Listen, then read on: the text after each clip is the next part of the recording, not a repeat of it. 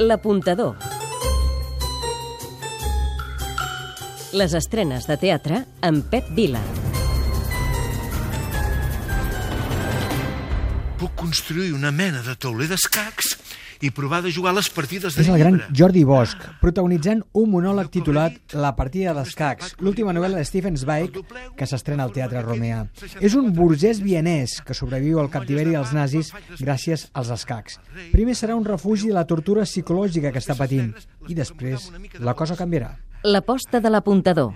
Tres motius per veure-la. Les peces negres les puc embrutar amb una mica de pols. Ah, A veure, anem a reproduir El primer, les partides Per del l'autor, que aquí escriu un text sobre els perills de les obsessions, en aquest cas, l'obsessió de dominar el joc de reis, els escacs. És un cant a la supervivència i un viatge sensorial. És la primera adaptació teatral en català de l'obra. el segon, Ivan Morales torna al Romea, un indret mític on es va estrenar com a actor i ara el responsable de la Calavera de Conamara ho fa com a director. El tercer, Naturalment, per Jordi Bosch, un dels seus reptes més grans, assumir tots els papers de l'obra, que són molts. Hola, sóc el Pablo Derqui i és l'apuntador qui us ho recomana. Aquesta és l'aposta setmanal de l'apuntador, però n'hi ha d'altres. Que la vida és una absoluta pura puta merda de fastigós i repugnant de collons? Ja Dolor. Teatre Lliure, la primera sèrie de televisió en teatre. Cristina Clement i Sergi Balbel dirigeixen una sitcom teatral de sis capítols amb els ingredients de les sèries televisives. La Lola ha inventat un dispositiu per combatre el dolor de la menstruació, però ningú li fa cas. A partir d'aquí, una mirada còmica i també crítica a la manca d'igualtat de gènere en l'àmbit laboral. Cada setmana se'n podran veure dos capítols seguits i l'últim diumenge, el 9 de juny, es farà una marató de tots. Interpreten Gemma Martínez, Meritxell Llanes i Enric Cambrai.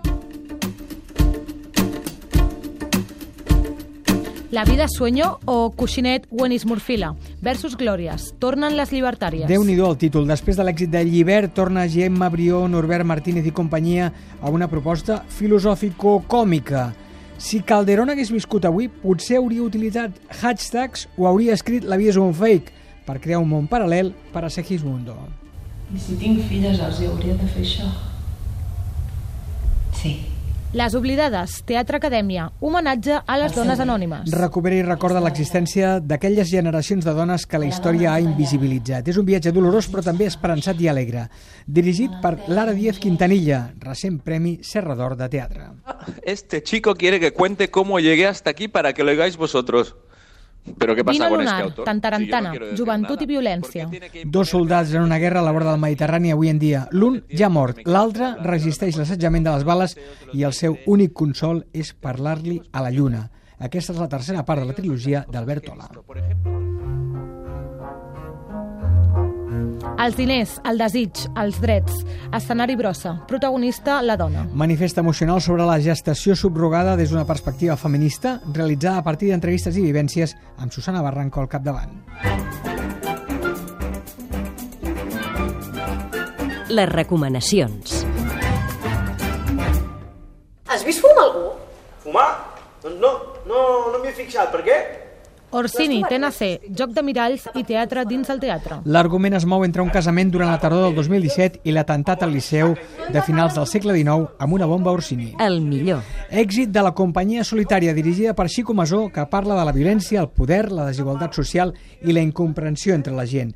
Reivindicativa és un túnel del temps entre dues èpoques ben diferents i alhora tan semblants. El pitjor, Que l'espectador no acabi d'entrar i alguns d'ells es desentenguin de l'obra perquè hi ha opinions per tots els gustos en aquest sentit. un moment per recordar. Qualsevol dels que surt Pol López.